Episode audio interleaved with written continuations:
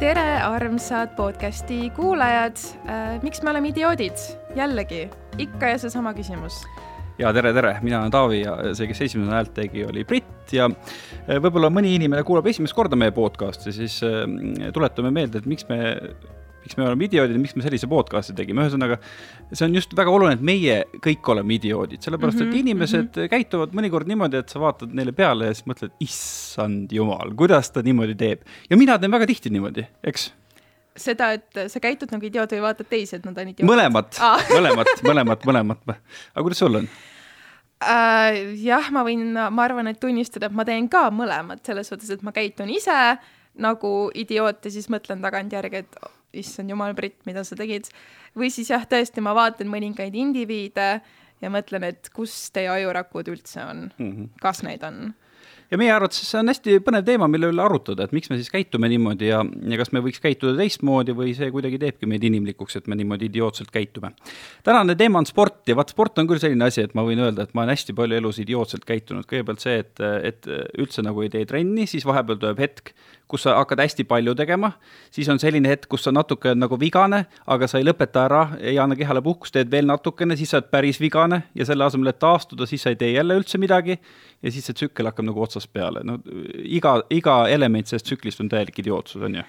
jaa, selles suhtes, et äh, minu arust nagu see sportimine, treenimine ja tervislik toitumine, see on, see on selline teema, millega sa saad nii lihtsasti äärmusesse minna ja jah, ma ütlen ausalt, mina olen ka selles suhtes olnud kunagi idioot, aga ma annan selle endale andeks, sest ma olin tegelikult haige, mul oli kunagi toitumishäire et mul oli anoreksia selles suhtes, et see tähendaski seda, et noh, mu, mu toitumine, mida ma ise pidasin tohutult tervislikuks, oli tegelikult noh, täiesti, ma hävitasin oma keha sõna otseses mõttes.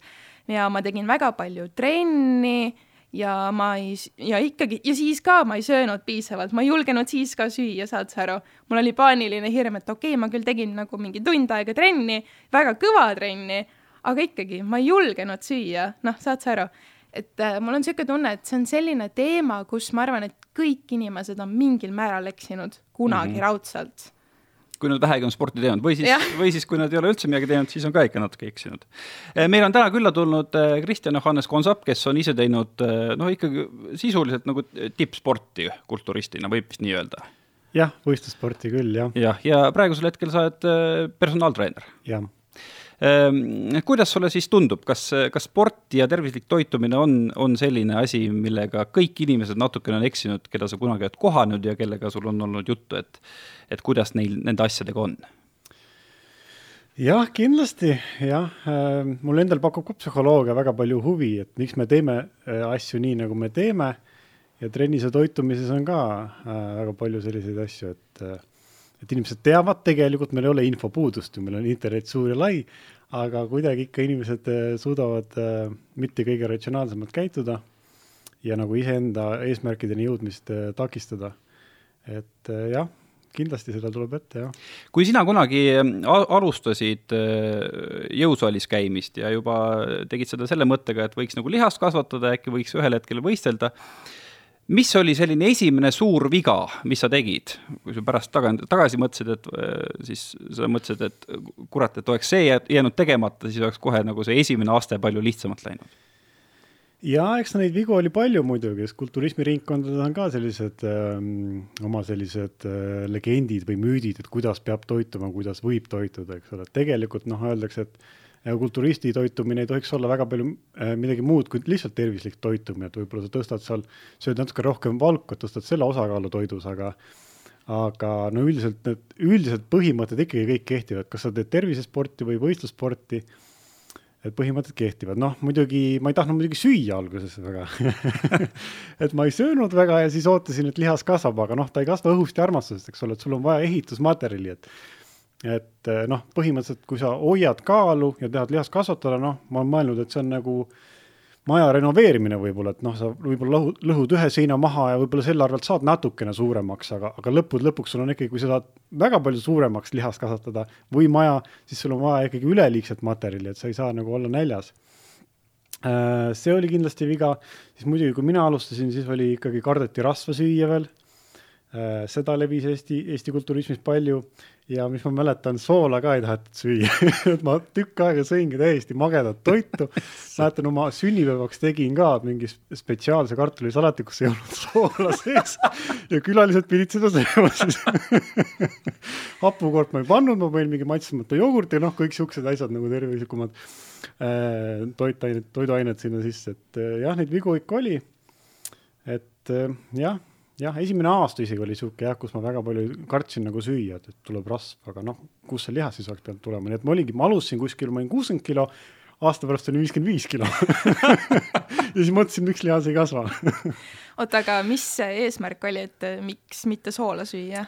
no sool tegelikult hoiab jah kehas natukene vett kinni, aga, aga noh, see, kui kellelgi lähe, lähe riided selga, see ei ole küll selles nüüd, et soola palju sööb, vaid ikkagi rasvas kinni et noh, kulturistid jah, ütleme võistluspäeval mõnikord võtavad sealt soola toidust välja, et saada see üks millimeeter rohkem lihast paistma, aga noh, kui sa ei lähe kohe võistlema, siis sul ei ole vaja seda teha ja tänapäeval isegi võistlevad kulturistid ei, ei praktiseeri seda, sest tavaliselt õnnestub sellega vorm kehvemaks teha kui paremaks mm. -hmm. sa ütlesid alguses, et meil ei ole infopuudust mm, -hmm. on ju, kõik on ju, materjali on nii, et noh, tapab aga samas äh, tegelikult minul on ka selline tunne, et seda infot on liiga palju. noh, mul on, noh, sa reaalselt, sa lähed, ma ei tea, eks ju, TikTok'i, kus on mingisugused ise hakanud, eks ju, ma ei tea, treenerid, äh, suunamudijad jagavad seal, et aa, tee mingit sellist harjutust, ma ei tea, söö selliseid asju, siis sa lähed Instagrami ja seal räägib keegi sulle hoopis vastupidist juttu, et äh, tegelikult nagu minu arust neid niisuguseid teadjaid inimesi, kes jagavad mingit info, jagavad nõuandeid, mis mis isegi võivad olla kohati jumala valed ja väga ebatervislikud, et äh, ma ei tea, et kuidas isegi inimesed peaksid nagu orienteeruma sellises äh, tohutus äh, infomüras? no eks see on keeruline jah. Mm. Noh, eks nendel influencer itel on ka muidugi oma roll, eks ole, et nemad võib-olla motiveerivad rohkem inimesi liigutama kui kus, kui mõni teadlane kuskil laboris, kes teeb küll väga, väga tarka tööd, aga noh, tema ei ole Instagramis ja tema kahjuks ei, ei nagu ei motiveeri niimoodi inimesi no see on keeruline jah, no üks variant on muidugi jah, et kas inimene on treener, kas tal on treeneri paberid mm, või kas ta on vähemalt võistelnud, eks ole, äh, kas ta on sportlane. et infot on muidugi palju jah, ja noh, kuna igaühel on keha olemas, siis kõik mõtlevad, et nemad ise teavad kõige paremini, mis, mis, mis, mis neile kõige parem on. ja, ja inimesed eksperimenteerivad ja igast noh, ma olen ka igasuguseid dieete pidanud, ma olen teinud niimoodi, ma söön ainult äh, no mitte ainult, aga peaasjalikult ainult rasva, jõin oliiviõli pudelist sisse põhimõtteliselt, rasvadieedil on süsivesikuid ei söö. kas ma sain võistlusvormi, no põhimõtteliselt sain äh,. siis on, eks ole, mõned kulturistid söövad hästi palju valku, söövad kaks korda rohkem, kui on vaja. kas nad saavad vormi, saavad. ja mõni sööb süsivesikut, mõni sööb, äh, ma tean, kui me räägime tavaliselt inimestel mingi paarsada grammi, siis mõni sööb isegi kilo süsivesikut päevas, kes väga palju liigutab. ta saab ka vormi jah, ja siis ongi, et nii palju noh, kõik saavad nagu vormi, siis igaüks vaidleb, et tema lähenemine on kõige õigem, aga. ja mõni sööb steroide ja saab ka vormi. jah, jah, no see on muidugi kõige hullem võib-olla jah, et, et kui sa jah, neid, neid sööd, siis sa ei peagi mitte midagi teadma mitte millestki ja sa oled ikka vormis ja siis, siis sul on veel lihtsam inimesi eksitada.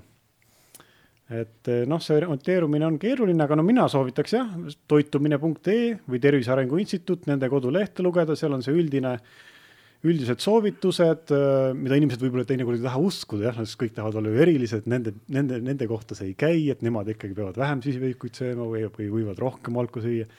aga jah, et needsamad reeglid, mis on seal, et umbes viiskümmend protsenti süsivesikut ja, ja kuskil seal kümme kuni kakskümmend valku ja ülejäänud siis kalorid tulevad rasvast.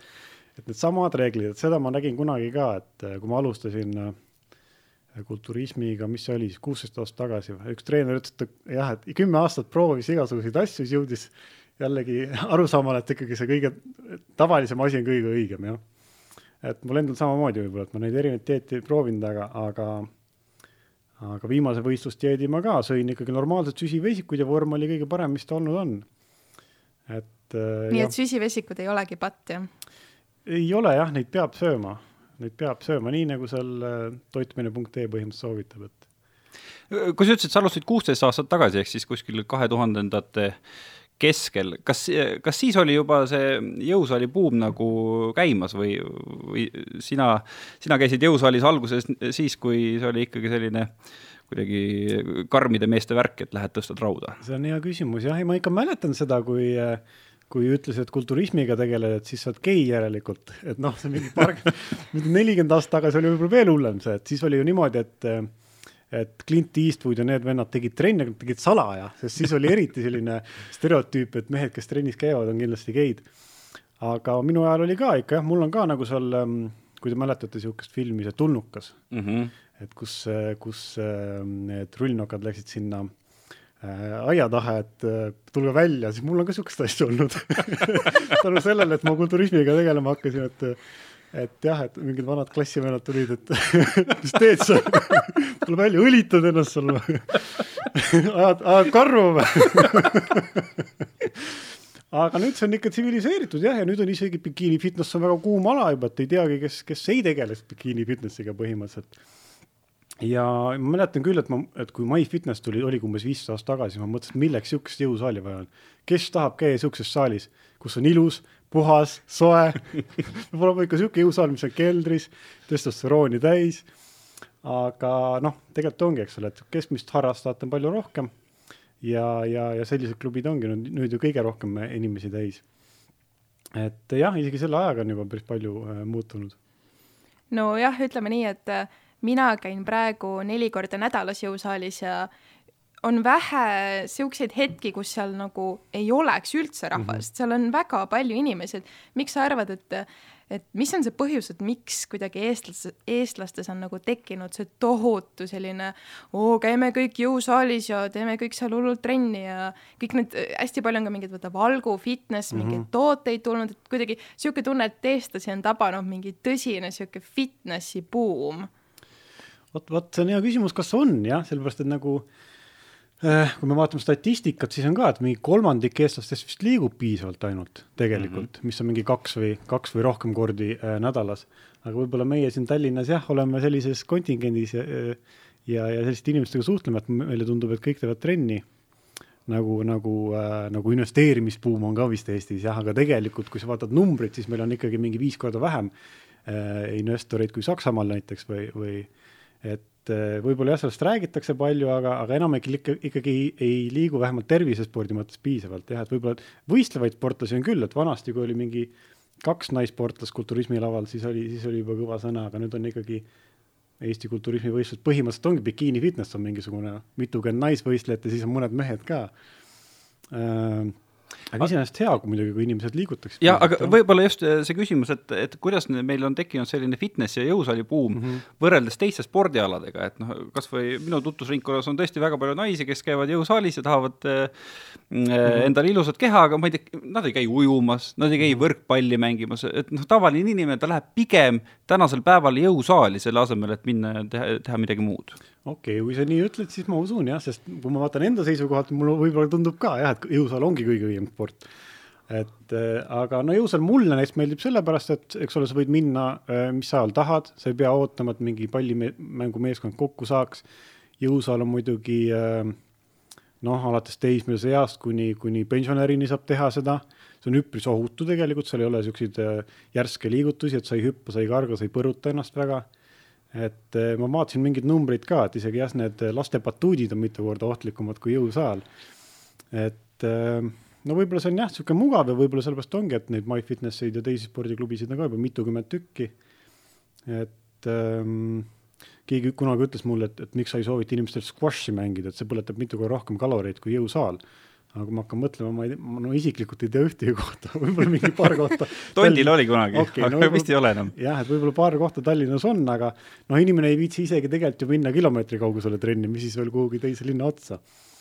et pigem ta siis valib selle tegevuse võib-olla, mis lähemal on mm. -hmm aga korra, kui näiteks nüüd mõelda, noh, sa oled personaaltreener ja sinu juures ilmselt käib ju ka väga palju noh, kliente, erinevaid et mis on võib-olla mingid niisugused kõige naljakamad või absurdsemad äh, tõekspidamised, mida sa oled kuulnud, et millega nad tulevad sinu juurde? noh, näiteks a la, et oi, mina küll peale kella kuute enam ei söö ja jah, no eks need ongi needsamad asjad, kas süsiveesikuid võib süüa ja kas õhtul võib süüa, kas pärast trenni võib süüa ja ja, ja sellised asjad jah.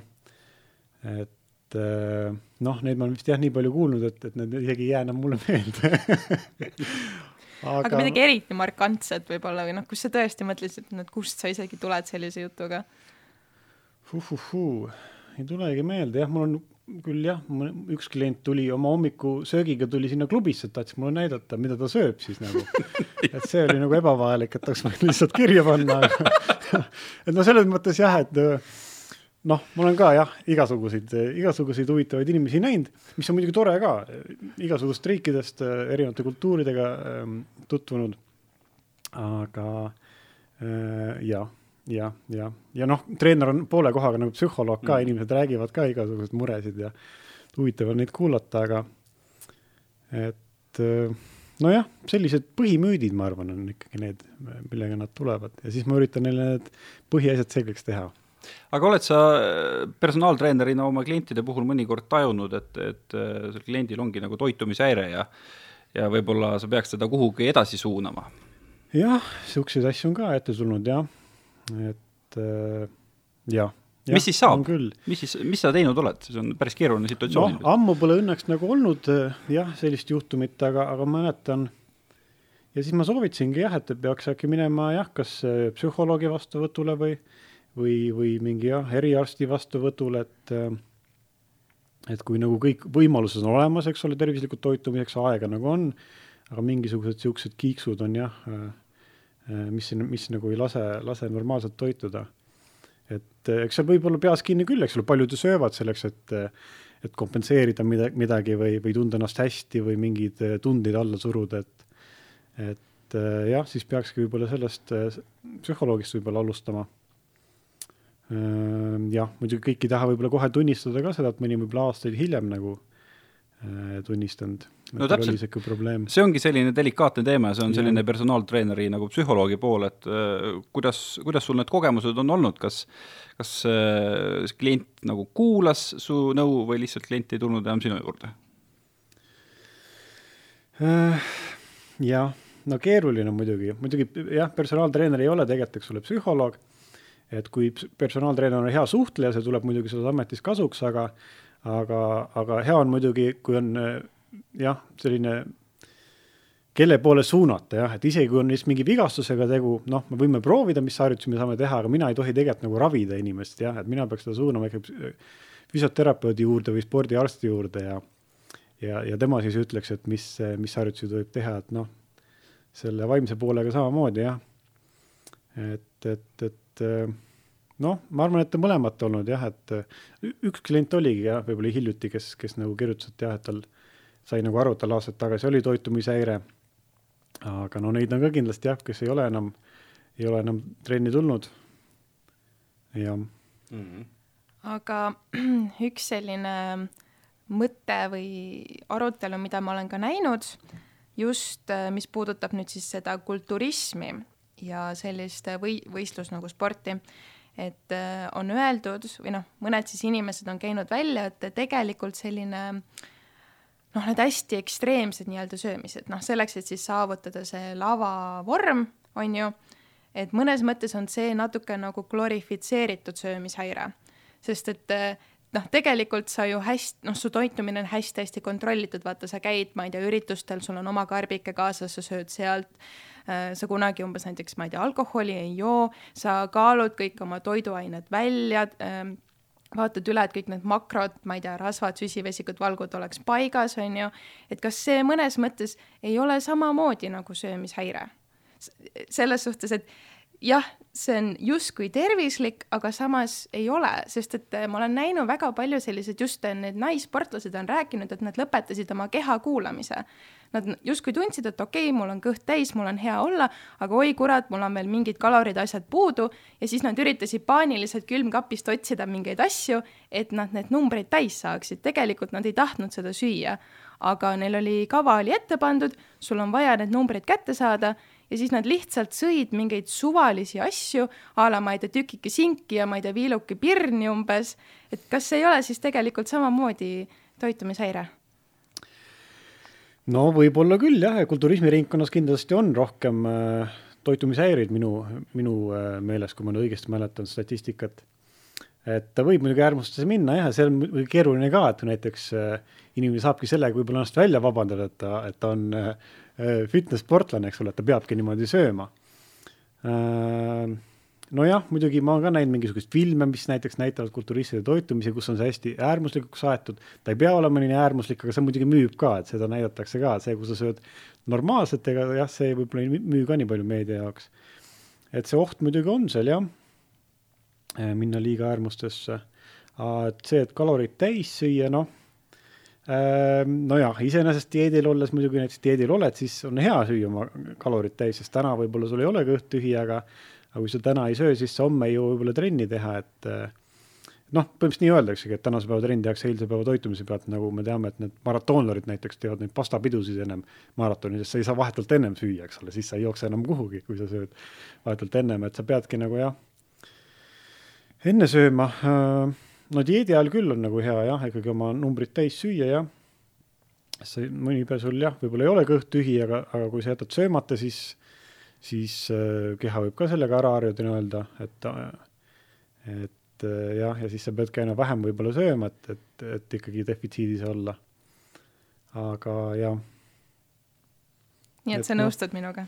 jah, seal oht muidugi on, selles mõttes küll, eks mul endal on ka siiamaani võib-olla mõned kiiksud, mis, millel ei ole nagu tõepahja all, ma ise tean, aga, aga kuidagi oled nagu harjunud niimoodi sööma. aga noh, ega need mulle nagu viga ei tee, lihtsalt sellised. no näiteks? noh, umbes mis järjekorras ma söön toiduaineid näiteks, ma söön ennem äh, tavaliselt valgud, sest ah. need on nagu kõige tähtsamad ka et saad nende normi täis, siis on nagu kõik hästi, et süsiveisikuid, no põhimõtteliselt süsiveisikuid sa võidki nii palju süüa, kui, kui palju sa liigutad, kui liigutad äh, rohkem, siis sööd rohkem, liigutad vähem, siis sööd vähem.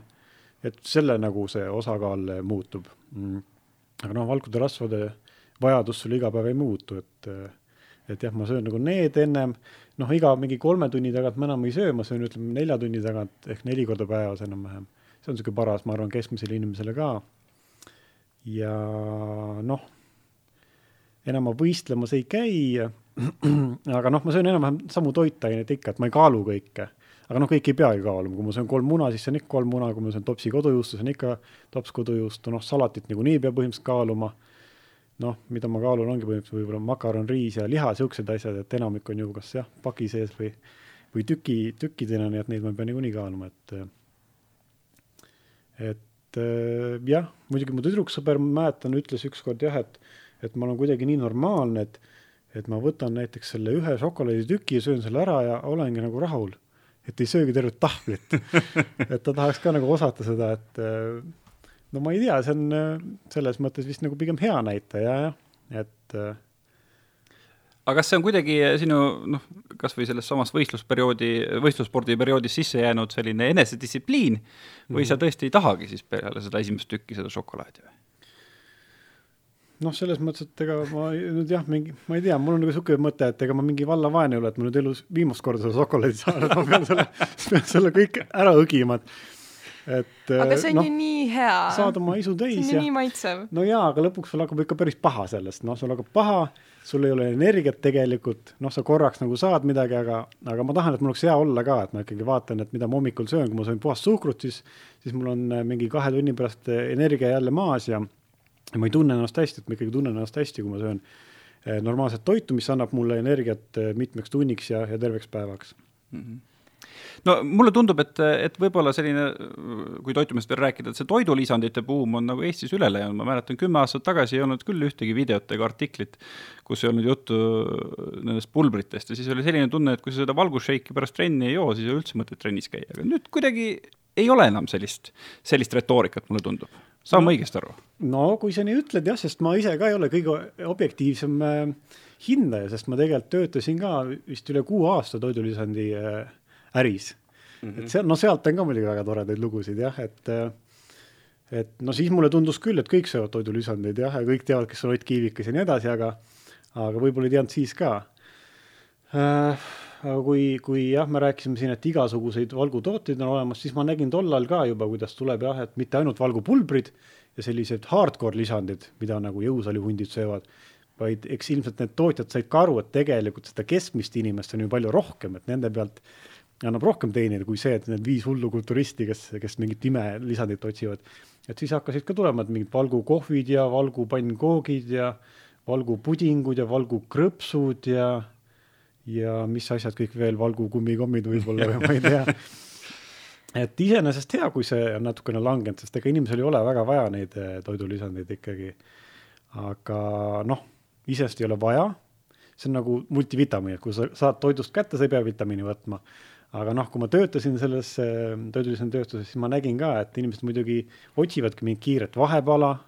Noh, selles mõttes, kui sa vaatad suures pildis, siis okei okay,, parem ongi, et ta võtab selle batooni, kui et üldse midagi ei söö või mingit jama sööb. aga, aga noh, inimesed peavad kindlasti sellest aru saama, et see ei, asenda tavatoitu, jah, see ei ole kuidagi parem kui tavatoit mm. -hmm. et seda muidugi äh, ma arvan, tegin ka omal ajal, et et hoidsin toidu arvelt kokku, et osta toidulisandeid rohkem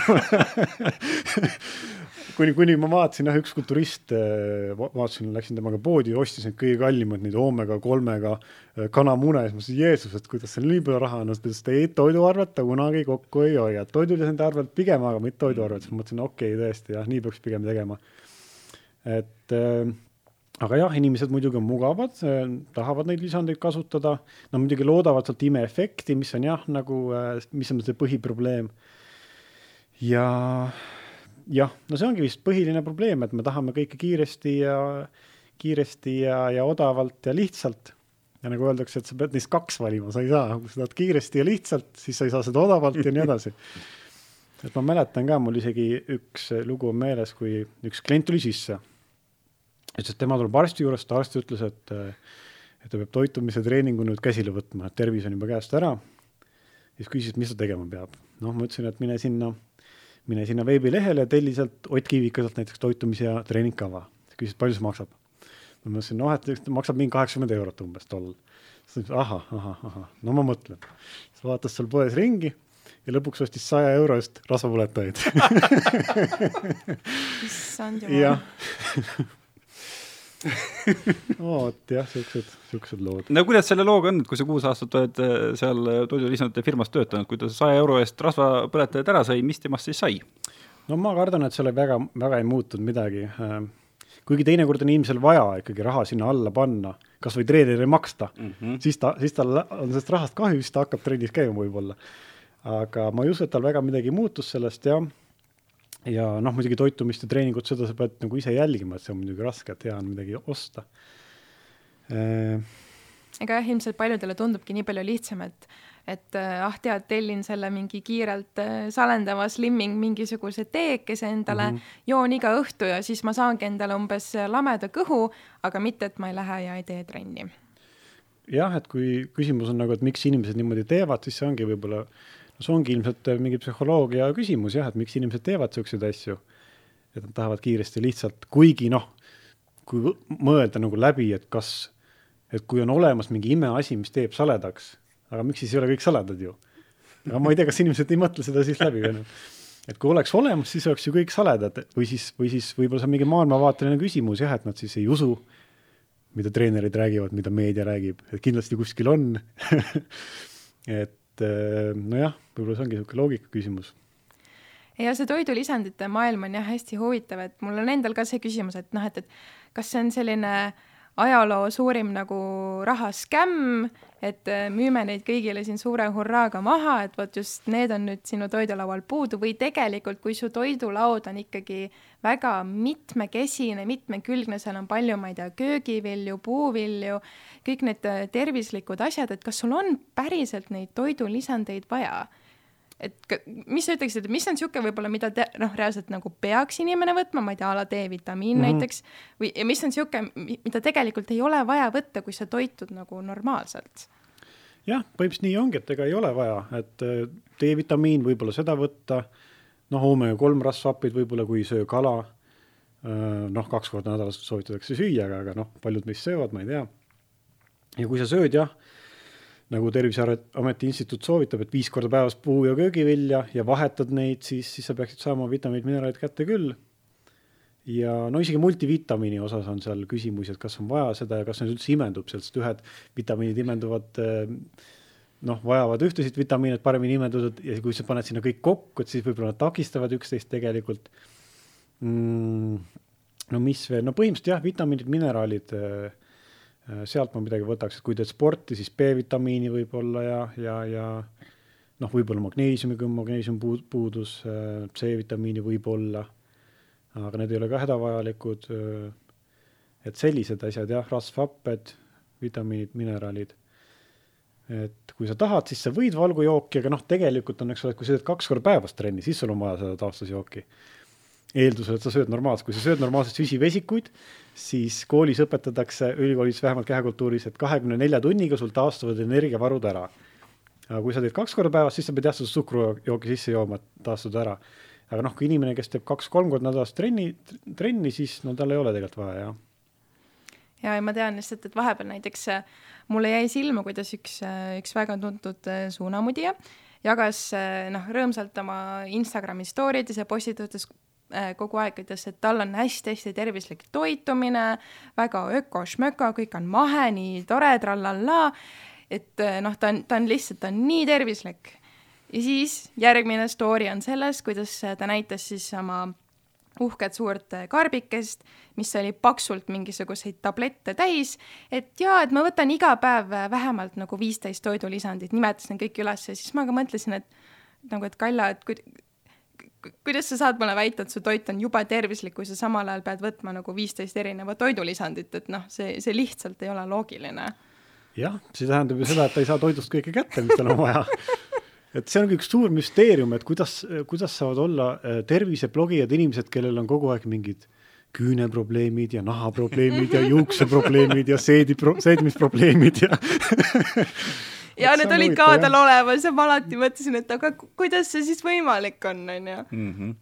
et teed, teed raskelt palju trenni ja oled oma arust jube tervislik, aga küll sul on küüned katki ja juuksed on katki ja su nahk on umbes lappes omadega ja noh mm., kõik oli nii halba, halvasti-halvasti kogu aeg nojah, ma räägin ka tavaliselt, ma olengi nende aastate jooksul, mis ma seal töötasin, noh, ma sain tasuta toidulisandit, ma olen ilmselt mingi tuhandete, kui mitte kümnete tuhandete eest söönud, aga ma ei ole ikka maailmameister, nii et see ei ole see jah, mis määrab, et mis tulemuse sa saavutad, et viimased võistlused ma pole, eh, pole väga üldse toidu, toidulisandit kasutanud, jah. võib-olla ongi mingeid vitamiine, et, et kui sööd vähem, siis ei saa võib-olla kätte, aga aga jah, no toit on ikkagi see jah, mida sul vaja on. no kui me vaatame seda suunamudijate ja eh, blogijate maailma, siis eh, mulle tundub, et seal skaala ühes otsas on väga populaarne kogu see fitness ja terviseblogijad ja siis seal skaala teises otsas on väga populaarsed toidublogijad. sina, kes sa oled seal fitnessi maailmas, kas see kas sinu jaoks on toit puhtalt kütus või sa saad, saad nagu aru ka nendest inimestest, kes nagu noh, noh, naudivadki seda, et see toit on rammus, et see toit on nagu mingi, seal on erinevad maitsekihid ja nii edasi ja nii edasi. et kas, kas need kaks nagu skaala otsa nagu tulevad sinu peas nagu kokku ka või? no vot jah, no mingis mõttes ikka ma mõtlen, et see on kütus jah, mul on see harjumus on nii suur, aga noh tänu sellele ma võib-olla jah, suudangi oma toitumist kontrolli all hoida ka. Äh, jah, ma mõtlen nagu, et see on kütus ja mind on väga lihtne üllatada. Paned leiva asemel saia, siis ma mõtlen juba, et issand, kui hea võileib, see on maailma parim asi. Äh, jah, et ma väga palju noh, ma olen selline introvertne ka võib-olla tegelikult jah, et, et ma ei käi väga palju restoranides söömas. et äh, õnneks on see nagu jah, must mööda läinud muidu võib-olla oleks vöö ümbermõõt palju suurem.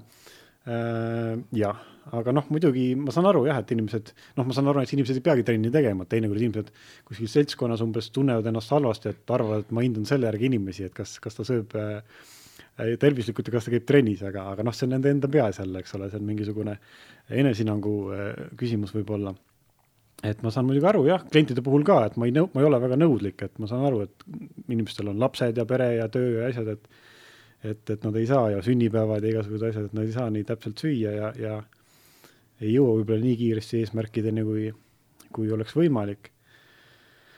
et nojah, ma ise natukene selle kulturismi poole kaldu jah, aga no kui sa mainisid, et sa ei ole treenerina väga nõudlik, et et aga mi-, millal hetkel, millal tekib nagu see hetk, kui sa saad aru, et inimene natuke ikkagi otsib neid vabandusi, et, et mm -hmm. ah, et tead, et ongi, et ma olen kogu aeg umbes väsinud ja mul on nii kiire, ma ei jõua trenni teha, mul ei ole aega, et tervislikult üldse toituda, noh, kõik need sellised tüüpilised nii-öelda vabandused, mida inimesed annavad, et miks nad ei, ei saavuta siis oma eesmärke eks ma aastatega olen paremaks läinud jah, sest ma kunagi, kui ma hakkasin, eks ole, kulturismi pealt läksin treeneriks, ma mõtlesin, et kõik on sama tõsised, kui ta ütleb, et ta ei saa tulla, siis tegelikult ei saagi tulla. Nagu meil kulturismi äh, üks äh, treener oli, äh, temal oli niisugune ütlus, et kui mind ei ole trennis, siis järelikult ma olen surnud. Ja noh, Marek Almus näiteks, Eesti legend oli selline, no see on üks haigemaid lugusid, mis ma tean, et kui ta elas Elvas ja seal ei olnud väga head jõusaali, siis ta sõitis korra nädalas Elvast läbi Tartu Tallinnasse jalatrenni, sest siin oli kõige parem jõusaal, kujutate ette. inimesed ei saa kilomeetri kaugusele mindud ja tema sõitis teise Eesti otsa. aga noh, see on muidugi fan-, fanatism, eks ole.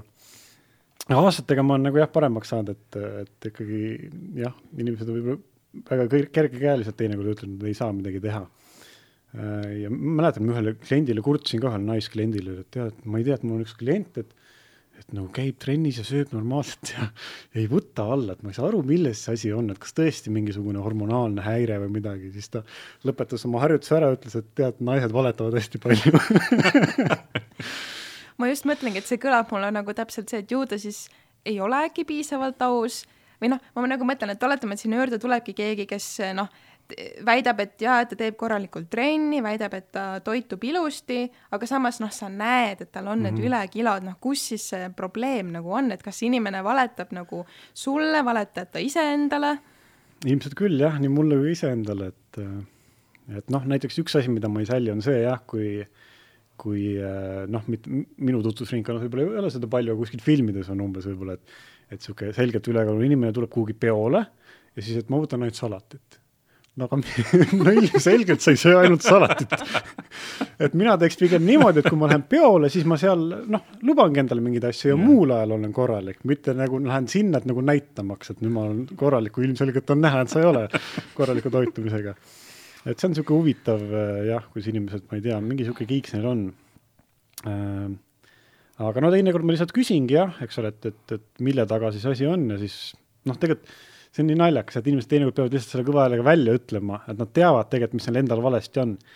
no näiteks toitumise reguleerimine, üks lihtsamaid asju, mida teha, et sa ei pea treenerit palkamagi, pead toitumispäevikut, paned lihtsalt kirja mingisugune kolm või viis või seitse päeva, mida sa sööd, mis kell, kui palju.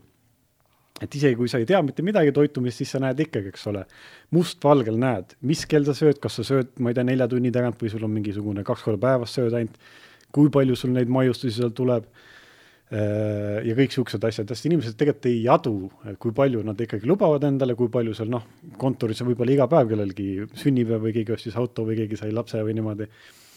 et äh, jah, et kui sa paned selle mustvalgelt kirja, siis ise juba saad ennast reguleerida natukene, et äh, ja kõige parem ongi võtta, eks ole, aluseks olemasolev toitumine, mitte tellida kuskilt mingi võõras kava, mingi harjumatu toiduainetega, et seda on ka ette tulnud umbes inimene äh, noh, pole elu sees kodujuustu ostnud, siis ta läheb stressi juba sellepärast, et ta ei leia poest üles seda.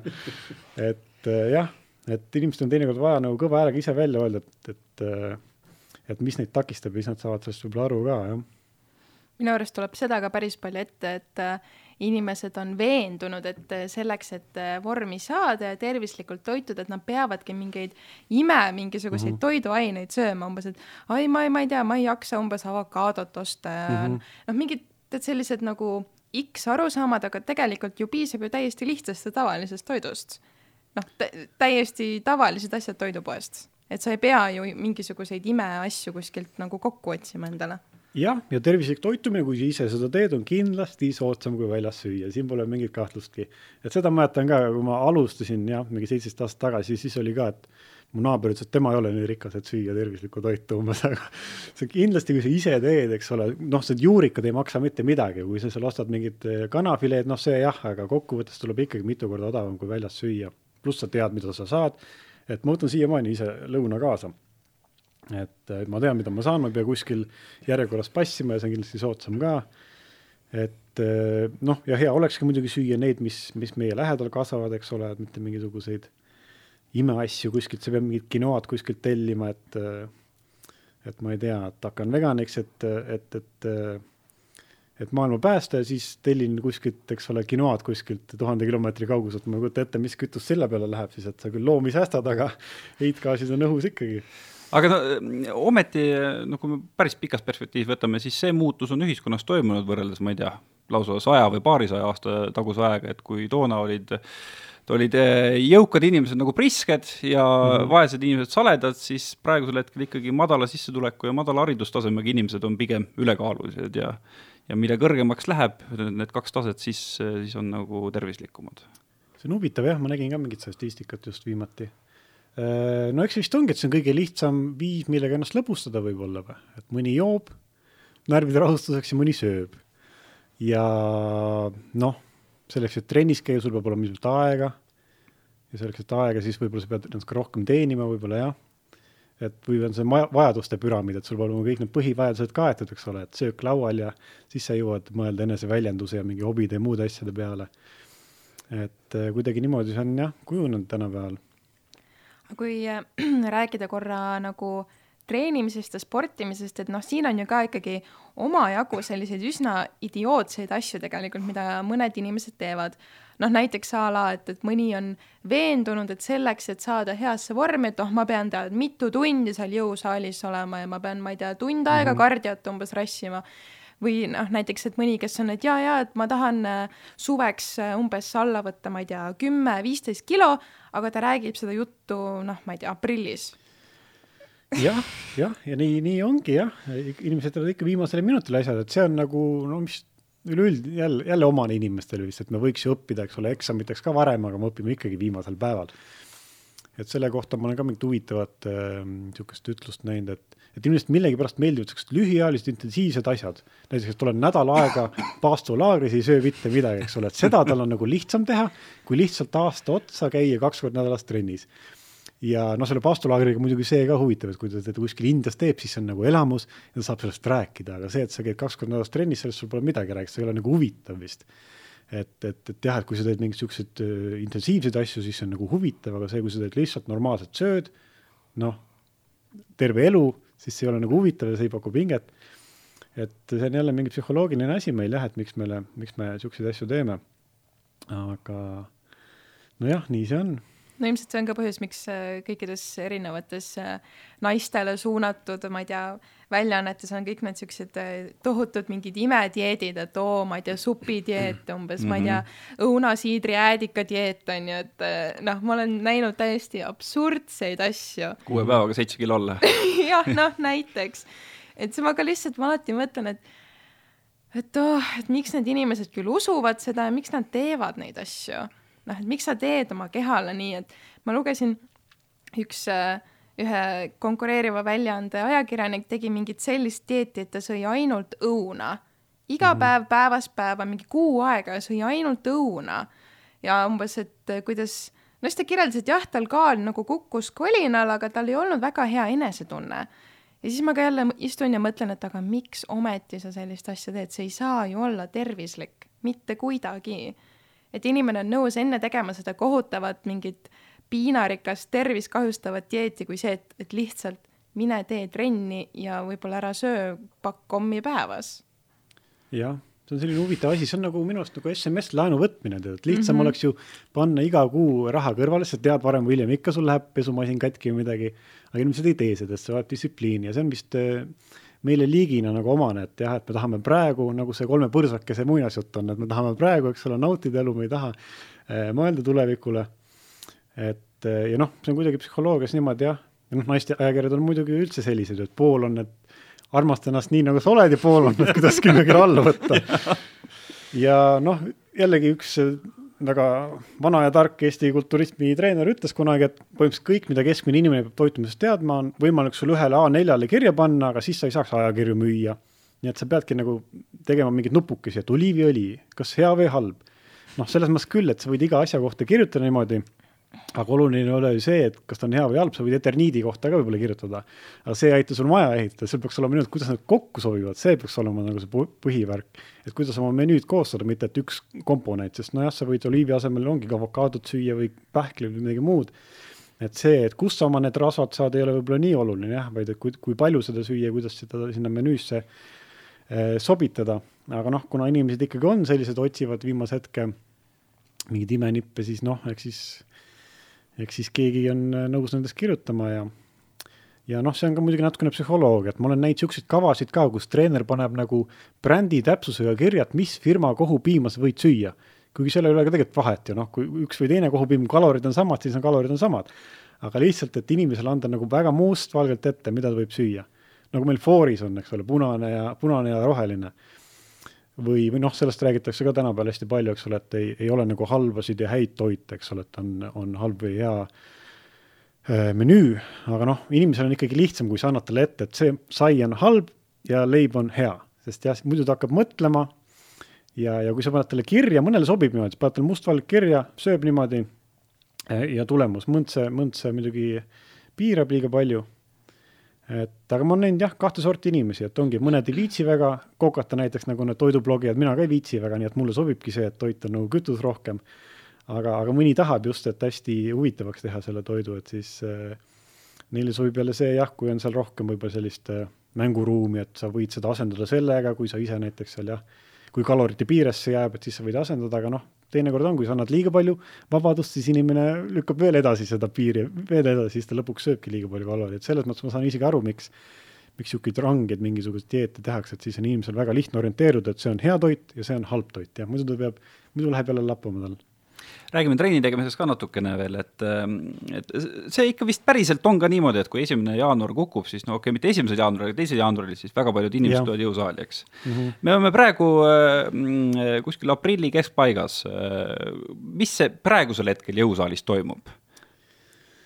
on nagu äh. hõreaeg või on nagu teise laine tulijad või mis seal toimub? teise laine, jah no piirangud võeti maha, siis kõik jooksid kohe ruttu jõusaali jälle. oleneb päevast jah, esmaspäevad on väga tihedad tavaliselt, reeded on äh, mitte nii tihedad, ma olen siin nalja teinud, et kui tahad äh, leida endal kaaslast, siis tule vaata reedel, kes on saalis, sest need on üksikud inimesed järelikult.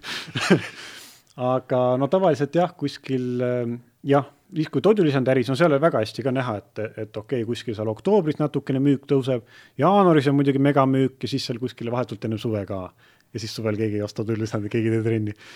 Äh, jah, et ütleme mm, seda jõusalist statistikat ma nii täpselt ei tea, aga ma arvan, et see on suht sama jah, jaanuar on kindlasti mega, mega, mega. Äh, nägin oma kodulehe statistika järgi seda. ja praegu on ka kindlasti väike tõus jah, ähm, kuigi see on nagu niisugune laugem vist, et siin on osa on aprillis, osa on mais, osa on juunis ja viimased ärkajad juulis hakkavad suveks valmistuma. et äh, jah, no praegu ikka inimesi vist, vist käib jah aga noh, kahjuks ongi jah, ikkagi liiga hilja hakkavad tavaliselt inimesed pihta, sest seal on tegelikult, sa saad välja arvutada, noh, kui vara sa pead hakkama, sõltuvalt sellest, mitu kilo sul on kaotada. no see, see on ka naljakas psühholoogia muidugi, et kuidagi mingisugused nagu, mingisugused ajatärmini algused mm -hmm. on nagu hästi populaarsed, aasta algus ja kui sa ütled ka nädala algused, noh selle asemel, et mm -hmm. nädalavahetusel teha üks korralik trenn, kui sul vaba päev on, siis noh, hakkad järgmisel nädalal, hakkan nüüd esmaspäeval tegema, teed ära ja siis nagu noh, sinna jääb. kusjuures oligi, kui nüüd need piirangud ära kadusid see oli vist kolmapäevane päev, ma vaatasin täielik vaikus, kolmapäev, neljapäev, reede, no kõik nagu ikka ja siis esmaspäeval siis tulid inimesed, et nagu nad olid ka, et mis ma nüüd täna hakkan või niimoodi, see nädal, no lükkan järgmisse nädalasse. et huvitav jah, aga noh, parem muidugi esimesel jaanuaril tulla, kui pärast mingit esimest infarkti tulla, et jah, millegipärast inimesed ongi teinekord siis, kui esimene tervisehäda on, et siis ta hakkab mõtlema nagu. Kui oleks varem äh, võinud sellele mõelda, me teame, et iga euro, mis me paneme praegu nagu tervise hoidmisesse, noh, mitmekordselt tuleb meile tagasi, eks ole mm,. aga, aga jah, aga kui ta jääb käima nüüd tänu sellele, et esimene jaanuar oli noh, siis noh, väga tore.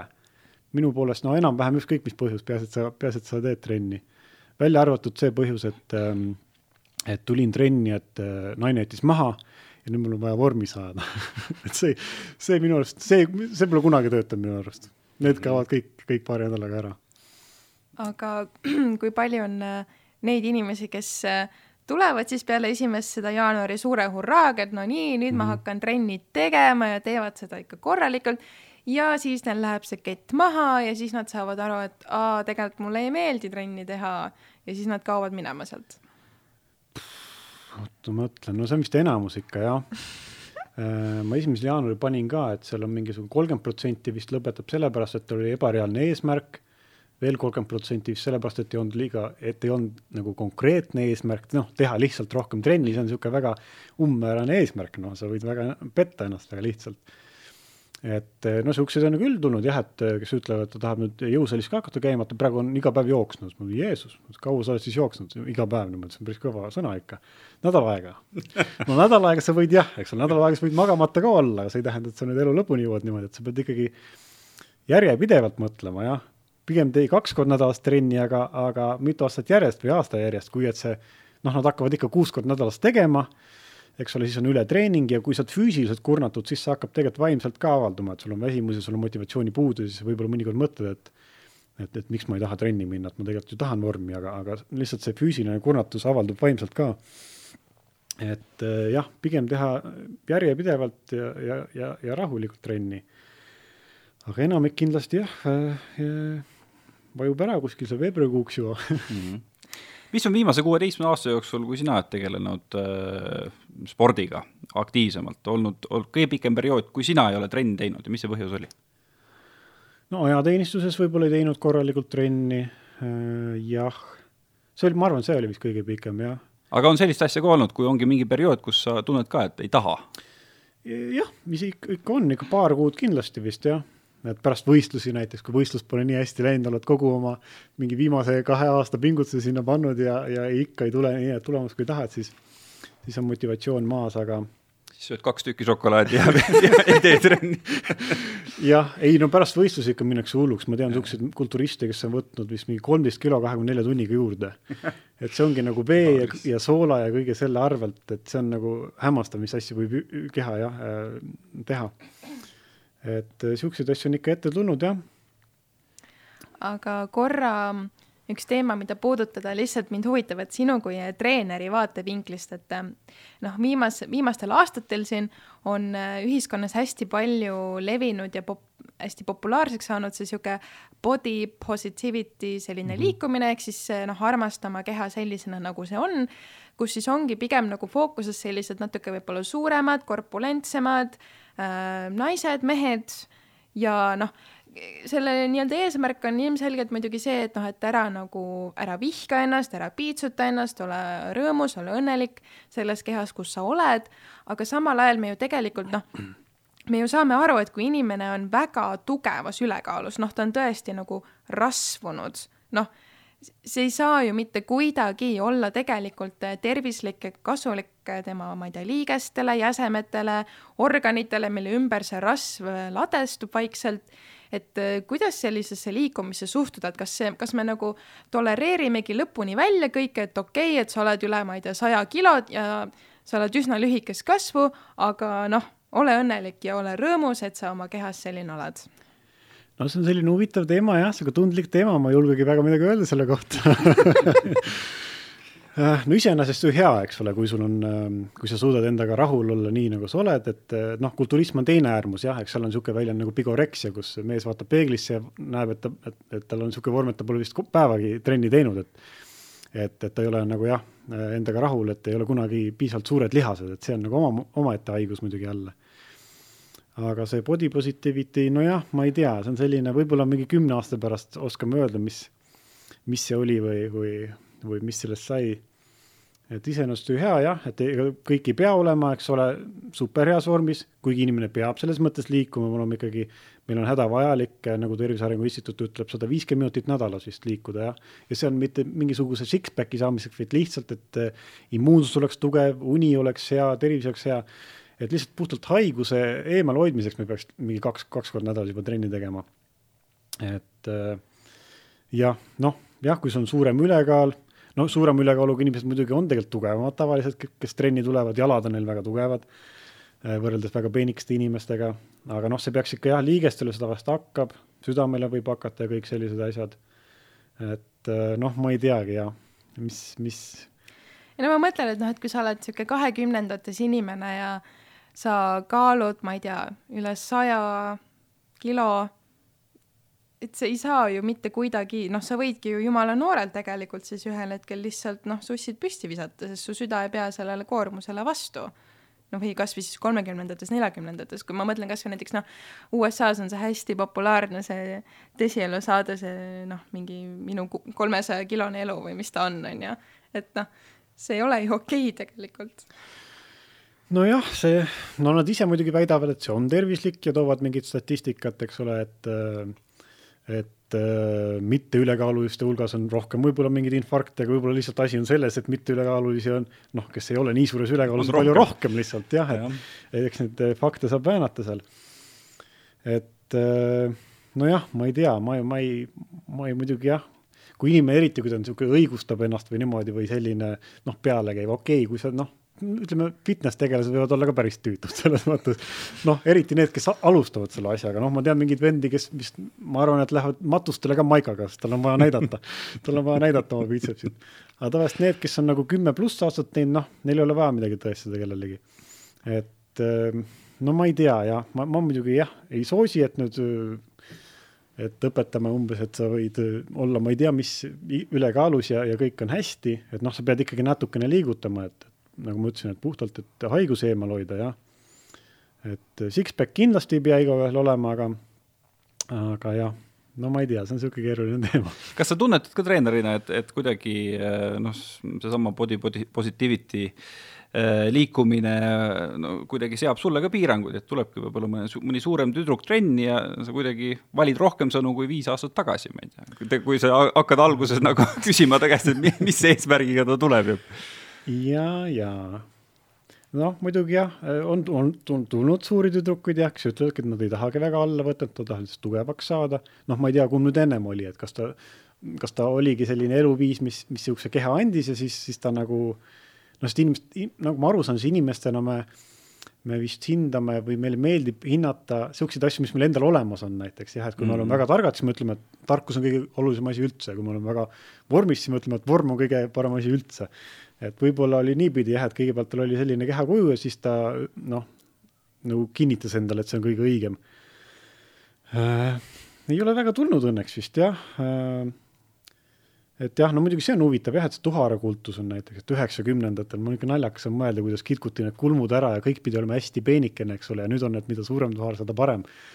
et see ka, kuidas mood dikteerib seda nagu, et et mi-, milline keha peaks nagu naisterahval olema, et tegelikult peaksid ju tahtma niisugust keha, nagu sa ise tahad, mitte nagu mood dikteerib. no meestel on vist ka, et, et, et biitsepsi asemel on kõhulihas nüüd tulnud, jah? No võib-olla isegi on jah, või Crossfit või mingi ja, selline ja. funktsionaalne trenn.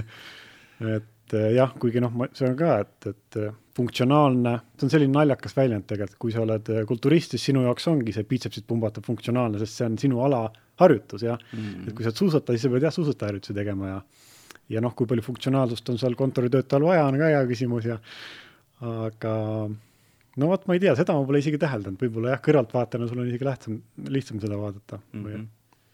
no ma ei tea, Taavi, käid sa jõusaalis või? Äh, noh, ei, mulle tundub küll, et kuidagi Äh, noh, ma olen ka ikkagi päris, päris pikalt nagu jälginud kõrvalt, vahepeal ise ka olnud sellises spordiskeenes sees ja ei ole enam sellist asja, et bitsepseid vaadatakse, pigem on see, et kas, kas nagu kõhulihas joonistab ja see on meeste jaoks nagu olulisem, mulle tundub. on siis seda lihtne saada? Kõhulihast, äh, no oleneb jah.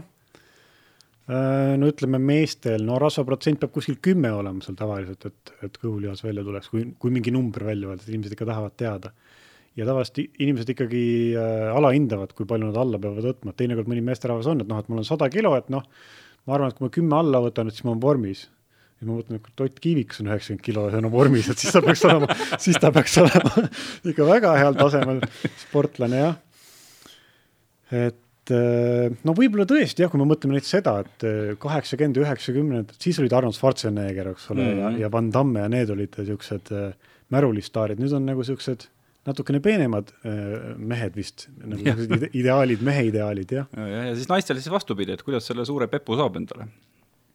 Mis Aha. siis tege-, mis siis tegema peab no vot, see on ka kuskilt sealt Kardashianilt tulnud või kuskilt, et huvitav. on küll, jah. Äh, no eks seda peab siis treenima, äh, seda peab treenima, jah no kuigi neil on ilukirurge muidugi, nemad ei ole seda otseselt treeninud selliseks, neil on see Brasil buttlift ja korras. aga mm -hmm. noh, samal ajal naised näevad jõusaalis kohutavat vaeva, et samasugust tulemust saada. jah. No kui ma tohin mõned numbrid siia tuua näiteks, siis et noh, et miks inimesed alustavad nii hilja, eks ole, no ma toon mõned numbrid, nagu me teame, eks ole, paki pealt sa võid vaadata, üks gramm rasva annab mitu kalorit mm.? no, rasv, ma tean, et valk annab neli, jah, rasva ma ei tea. jah, valk annab neli, süsivesk annab neli ja rasv annab äh, üle üheksa natukene. nii et üks kilo searasva põhimõtteliselt annab üheksa tuhat kalorit, eks ole Mm. nii üks kilo keharasva, noh, see ei ole sada protsenti rasv, seal on natuke vett ka. Aga öeldakse, et see annab umbes seitse tuhat kalorit. nii et kui sa tahad kilo rasva ära põletada, siis sul on vaja seitse tuhat kalorit ära põletada. sest mul on tundnud inimesi ka niimoodi, et tal on kuueteist nädala pärast pulm, tal on vaja kuus, kuusteist kilo alla võtta, aga ta saab ainult kaks korda nädalas trennis käia ja toitumist ei taha muuta. siis ma näitan talle seda matemaatikat, et kahe trenniga seitse tuhat kalorit ära põletada, no et see lihtsalt matemaatiliselt ei ole võimalik, eks ole et kui sa teadki, et kui sa tahad kümme alla võtta, eks ole, et, et kui vara sa siis peaksid seda dieeti alustama, et sa ei saa, tegelikult keha suudab põletada, öeldakse kuni kilo rasva nädalas. jah, kuni kilo. et kui sa tahad neli kilo alla võtta, siis peaksid vähemalt neli nädalat varem hakata, hakkama alla võtma ja see tähendab muidugi neli ongi, eks ole, seitse tuhat kalorit nädalas. noh, see põhimõtteliselt ka iga päev peaksid trennis käima, jah, teoorias võimalik, praktikas see ei ole väga võimalik et ongi, et kui sa hakkad nullist tegema trenni, sul hakkab liigestele see, sul, ma ei tea, võhma ei ole nii palju, sul ei ole aega kindlasti keskmisel inimesel nii palju. Nii et eh, jah, kui nüüd nagu matemaatika arvesse võtta, siis ongi niisugune jätkusuutlik on, ütleme pool kilo nädalas alla võtta, ehk siis kaks kilo kuus. kui sa tahad kümme kilo alla võtta, siis rahulikult võttes peaksid viis kuud ennem hakkama võtma. see tundub nagu jõle pikk dieet, aga see on tegelikult jätkusuutlik jah, sest siis sul ei kao energia ära, sul ei ole neid söömasööste äh, ongi, sa jõuad tööd teha, eks ole, pärast sul ei kao energia ära, sul, see jõud, sul, sul ei kao trennis jõud ära, lihasmass ära, no kulturistid võtavad üldse ütleme mingi kolmsada grammi või kakssada grammi nädalas alla, et ma hakkasin ka mingi üheksa kuud varem hakkasin võistluseks valmistuma, et siis mida varem sa hakkad, seda lihtsam on, sa ei panegi tähele nagu seda. et nagu sellised numbrid on jah, et ma ei tea, kas inimesed ei tea neid, et eh, nad arvavad ikka, et sa saad ühe nädalaga noh, kümme kilo all- alla võtta, sa ei saa põhimõtteliselt, sa põletad kilo rasva ja ülejäänud siis sul tuleb aju- ajutiselt alla vee arvelt ja sa põletad ka lihast natukene, sest keha on ikkagi, keha ainuke eesmärk on põhimõtteliselt elus püsida ja anda järglasi bioloogiliselt nagu elu eesmärk. nii et kui sa liiga kiiresti alla võtad, siis ta hakkab lihtsalt põletama kõiki kudesid, mis sul on, et, et sa elus püsiksid. Nii et, et jah, sa ei saa võtta kiiresti ainult rasva alla. no ma arvan, et see võti ongi see, mis sa ise ütlesid, et inimesed ei tea seda, et kui sa guugeldad, kuidas võtta alla, siis mm -hmm. kui esimese lehe peal on seal võib-olla on jah, kaks sellist artiklit äh, infoga, mis sina räägid, aga siis on äh, artikkel selle kohta, et et see ja see dieet kahe nädalaga kaheksa kilo, siis loomulikult ma klikin ja, selle peale, on ju. jah, jah, ma ise analüüsisin ka, mida inimesed guugeldavad, kirjutasin oma kodulehele ka ühe po- eh, blogi postituse kaalust alla, et kui inimene guugeldab kaalust alla, siis ta leiab selle. aga samal ajal ma vaatan hästi palju otsitud ka, kuidas saada kiiresti kümme kilo alla. üks populaarsemaid otsinguid. jah, no aga siis lõpetuseks võib-olla ongi küsimus, et no kuidas siis saab kiiresti kümme kilo alla? kas üldse saab? noh, kulturistid teevad seda lolli nalja, et amputeerimisega saab. jah, et kui on eesmärk lihtsalt kaalunumber, eks ole. Aga tegelikult me ei taha ju, et suurest pirnist tuleks väike pirn, me tahaks ikka, et ilus kehakuju tuleks ja selleks on vaja ainult rasva põletada. et ainult rasva põletada, siis peab aeglaselt äh, kaalust alla võtma. Mm -hmm. ehk siis, kui ei ole alustanud, siis aprilli keskpaik suvevormi saamiseks on nagu lootused või tuleb siis panustada, et septembri noh, alguses on ka kaks, ilus kaks suvi? kilo kuus, noh, ütleme neli, no loodame, et ei tule hea ilm jah, et siis jaanipäevaks võib-olla saab veel kuus kilo alla või noh, see on juba päris hea, see on juba võib-olla märgatav vahe no ilmselt oleneb ka ju väga palju, kust sa alustad tegelikult, et noh, kui see stardipakk ei ole üldse nii kõrge, noh, see kaal, siis, siis eh, noh, võib ju täitsa isegi noh, suure edumaa saada Mm -hmm. selle ajaga. jah, noh muidugi on, kui suurem ülekaal, siis alus kukub rohkem, aga sa ei märka seda vahet väga suur, palju. kui on äh, juba mõned kilod ainult järgi, siis muidugi näed seda vahet rohkem ja, aga no peaasi, et hakkavad trenni, no vähemalt järgmiseks suveks siis saavad vormi. ei, praegu küll keegi järgmise suve peale veel ei mõtle, ma arvan. kahjuks jah. Kristjan Johannes Konsap oli külas, suur aitäh, et äh, tulid külla ja, ja mis siis aitäh äh, kutsumast. kokkuvõttes mõelda, et, et üks tükk šokolaadi korraga. et on inimesi, kes suudavad seda, tõesti, tundub uskumatu. ei, ei tea, ei saa sa- samastuda. aitäh sulle. aitäh, aitäh..